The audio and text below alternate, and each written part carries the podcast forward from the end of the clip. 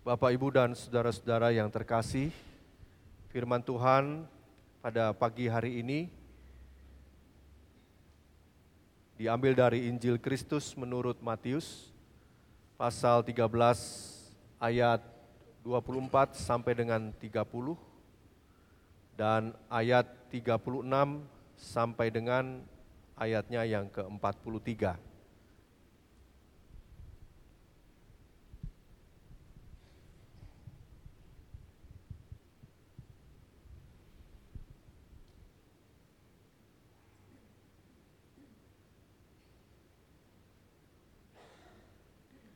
Yesus membentangkan suatu perumpamaan lain lagi kepada mereka, katanya. Hal kerajaan surga itu seumpama orang yang menaburkan benih yang baik di ladangnya. Tetapi pada waktu semua orang tidur, datanglah musuhnya menaburkan benih lalang di antara gandum itu lalu pergi. Ketika gandum itu tumbuh dan mulai berbulir, nampak jugalah lalang itu. Maka datanglah hamba-hamba Tuhan ladang itu kepadanya dan berkata, Tuhan, bukankah benih baik yang Tuhan taburkan di ladang Tuhan? Dari manakah lalang itu? Jawab Tuhan itu, seorang musuh yang melakukannya. Lalu berkatalah hamba-hamba itu kepadanya, "Jadi, maukah Tuhan supaya kami pergi mencabut lalang itu?" Tetapi ia berkata, "Jangan, sebab mungkin gandum itu ikut tercabut pada waktu kamu mencabut lalang itu. Biarkanlah keduanya tumbuh bersama sampai waktu menuai. Pada waktu itu, aku akan berkata kepada para penuai, kumpulkanlah dahulu lalang-lalang itu dan ikatlah berkas berkas-berkas untuk dibakar. Kemudian kumpulkanlah gandum itu ke dalam lumbungku. Maka Yesus pun meninggalkan orang banyak itu lalu pulang. Murid-muridnya datang dan berkata kepadanya, "Jelaskanlah kepada kami perumpamaan tentang lalang di ladang itu." Ia menjawab katanya, "Orang yang menaburkan benih baik ialah anak manusia." Ladang ialah dunia. Benih yang baik itu anak-anak kerajaan dan lalang adalah lalang anak-anak si jahat. Musuh yang menaburkan benih lalang ialah iblis. Waktu menuai ialah akhir zaman dan para penuai itu malaikat. Maka seperti lalang itu dikumpulkan dan dibakar dalam api, demikian juga pada akhir zaman. Anak manusia akan menyuruh malaikat-malaikatnya dan mereka akan mengumpulkan segala sesuatu yang menyesatkan dan semua orang yang melakukan kejahatan dari dalam kerajaannya. Semuanya akan dicampakkan ke dalam dapur api di sanalah akan terdapat ratapan dan kertakan gigi. Pada waktu itulah orang-orang benar akan bercahaya seperti matahari dalam kerajaan Bapa mereka. Siapa bertelinga, hendaklah ia mendengar. Demikianlah sabda Tuhan. Berbahagialah setiap orang yang mendengarkan sabda Tuhan dan memelihara di dalam hidupnya. Haleluya.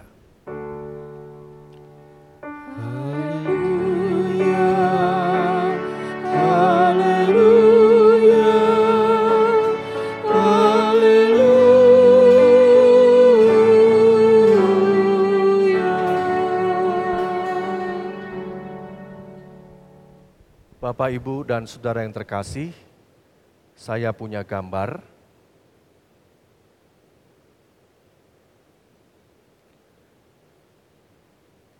Bapak, Ibu, dan saudara, apakah bisa membedakan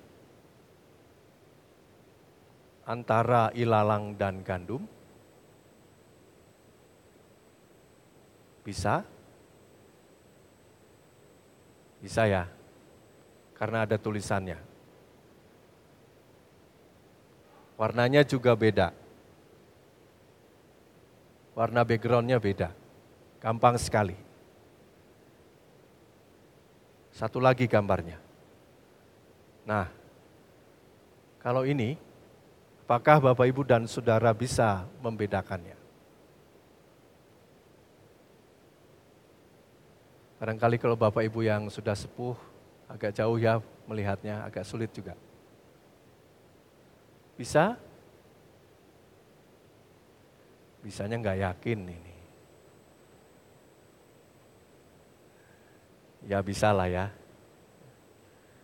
Sepintas akan sulit. Apalagi jika kita melihat langsung di ladang pada waktu zaman Yesus. Karena dunia perladangan di sana dengan di kita sedikit banyak berbeda. Akan sangat sulit Bapak Ibu dan Saudara untuk bisa membedakan mana gandum dan mana lalang. Seperti halnya kita sulit membedakan mana orang yang berbuat baik dengan tulus dan mana orang yang berbuat baik dengan niat yang jahat. Zaman sekarang dengan kecanggihan teknologi, apalagi Bapak Ibu punya handphone yang canggih, bisa mengubah wajah yang tadinya ya itu biasa-biasa aja ya, saya bilang nggak akan bilang jelek, biasa-biasa aja menjadi luar biasa. Jadi teknologinya sudah sangat canggih. Belum lagi teknologi yang lain yang membuat kita lalu tertipu dengan penampilan seseorang. Akan sangat sulit Bapak Ibu dan Saudara yang terkasih membedakan orang yang berbuat baik dengan tulus dan orang yang berbuat baik dengan niat jahat. Kejahatan yang dibalut dengan kebaikan, menjanjikan sesuatu yang menggiurkan barangkali, namun akhirnya menjerumuskan kita pada malapetaka. Bapak, Ibu, dan saudara yang terkasih, yang unik dari perumpamaan ini adalah Ilalang yang disebutkan di sini bukanlah ilalang yang tumbuh begitu saja, atau bisa kita sebut sebagai ilalang yang liar. Tetapi justru ilalang yang ada dalam cerita perumpamaan ini adalah ilalang yang secara sengaja ditaburkan. Kalau kita membaca ayat yang ke-28, di sana dikatakan seorang musuh yang menaburkannya, yang melakukannya secara sengaja tentunya. Kalau kita menjadi pendengar perumpamaan ini ketika zaman Yesus pada waktu itu, kita akan bertanya-tanya, siapakah musuh itu? Saya membayangkan kalau Tuhan Yesus hadir di abad milenial ini, kita dengan mudah bisa melihat ya Bapak Ibu, siapa musuh itu karena punya teknologi, sekali lagi teknologi CCTV. Kita bisa melihat. Di ruangan gereja ini ada CCTV, jadi kelihatan Bapak Ibu. Kelihatan siapa yang beribadah, Bapak Ibu ngapain, siapa yang ngantuk kalau ngedengerin khotbah, Bercanda ya Bapak Ibu, nggak apa-apa ngantuk juga. Saya yakin mendengarkan. Jadi sulit. Siapa musuh itu? Kita hanya mendapatkan informasi bahwa memang musuh itu dengan sengaja menabur benih lalang di antara gandum, di ladang yang kita tanami dengan benih gandum. Kita sebut saja si jahat. Yang kedua,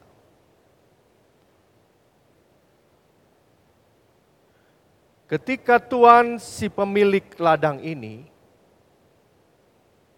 ditanya oleh hamba-hambanya, Tuan, apakah mau kami pergi mencabut lalang itu? Lalu Tuhan itu menjawab, jangan, jangan dicabut. Ini sesuatu yang agak heran, aneh. Kan sudah tahu ada lalang di situ. Sudah tahu ada sesuatu yang buruk di situ. Tetapi Tuhan katakan, jangan. Alasannya apa? Tuannya bilang, sebab mungkin gandum itu ikut tercabut pada waktu kamu mencabut lalang itu. Yang lebih mengherankan lagi Bapak Ibu dan saudara yang terkasih. Tuhan itu mengatakan ayat 30, biarkanlah keduanya tumbuh bersama sampai waktu menuai. Kalau kita mendengar sekali lagi Bapak Ibu, saya mengajak kita memosisikan diri dalam cerita ini. Kalau saya adalah hamba-hamba yang disuruh Tuhan, Tuhan untuk mencabut atau tidak mencabut, saya gregetan. Kenapa sih nggak dicabut aja dari sekarang supaya si gandumnya ini sungguh-sungguh tumbuh dengan baik. Kenapa sih harus nunggu waktu menuai? Kelamaan Tuhan. Sabar ya. Apa sulitnya membedakan antara gandum dan lalang? Seperti tadi di awal. Kelihatan beda kok Pak, kelihatan ya. Mana yang gandum, mana yang lalang. Toh kalau diteliti, diamati lebih jeli pasti bisa. Dan pastinya Tuhan sang pemilik ladang itu bukan tidak mampu membedakan Bapak Ibu dan Saudara pasti Tuhan itu bisa membedakan atau bisa memberitahu kepada hambanya. Ini loh gandum, ini loh lalang. Tapi itu tidak dilakukan oleh Tuhan sang pemilik ladang. Bahkan ketika tuannya tahu itu adalah musuh yang menanamnya, Tuhan tidak melakukan apa-apa. Hanya mengatakan, itu musuh yang melakukannya. Sengaja pula, artinya direncanakan oleh si jahat.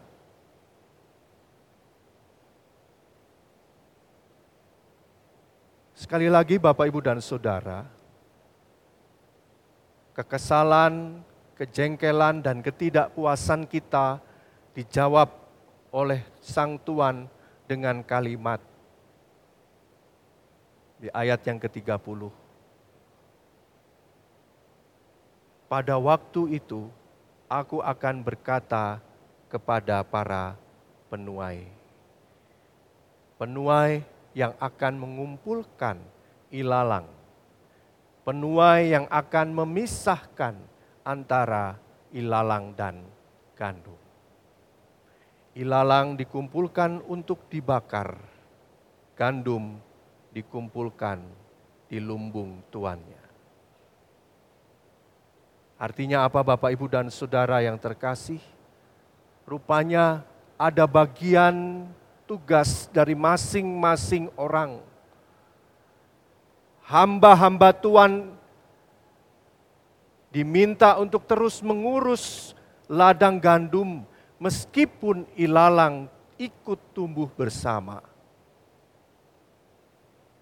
Dan para penuai disuruh oleh tuannya nanti pada saat masa panen memisahkan ilalang dan gandum. ada satu masa kejahatan dan kebaikan akan terus ada sampai pada masa keduanya dapat dibedakan dengan jelas, dengan tegas. Dan masing-masing mendapatkan tempatnya. Ladang itu adalah kehidupan kita saat ini, Bapak, Ibu, dan saudara. Ilalang apa yang tumbuh di dalam kehidupan Bapak, Ibu, dan saudara? Secara pribadi, dalam kehidupan berjemaat, dalam kehidupan bermasyarakat. Contoh, Tuhan Kenapa sih perasaan saya, saya teh udah baik-baik aja. Kerja oke, okay, pelayanan oke, okay, rumah tangga oke. Okay. Kok masih ada aja orang yang ngomongin jelek? Pasti pernah mengalami ya Bapak Ibu. Salah saya apa sih Tuhan? di pekerjaan misalnya, kita sudah melakukan tanggung jawab kita. Tetap saja ada orang yang mencari kelemahan kita, keburukan kita.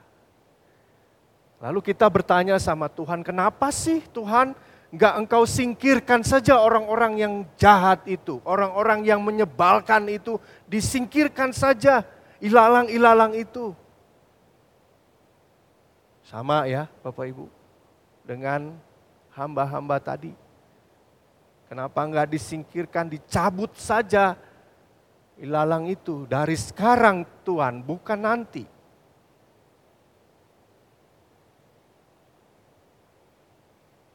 Dari teks ini kita belajar bahwa Tuhan tahu dan Tuhan merasakan apa yang kita rasakan ketika berhadapan dengan ilalang yang merusak akan tetapi ada kalanya Tuhan seakan-akan memang membiarkan ilalang itu tetap ada di sana. Karena Tuhan punya tujuan yang jelas demi kebaikan kita.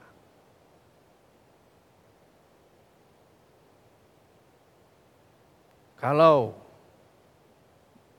dalam teks kita hari ini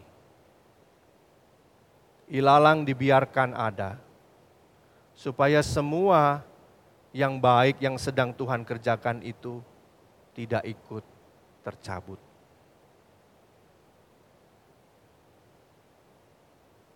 Jadi, kenapa Tuhan membiarkan? Karena Tuhan mau mengajarkan kita untuk lebih lagi berpegang pada pemeliharaannya. Sekali lagi, karena Tuhan ingin kita belajar untuk lebih berpegang pada pemeliharaan yang Dia selenggarakan bagi kita.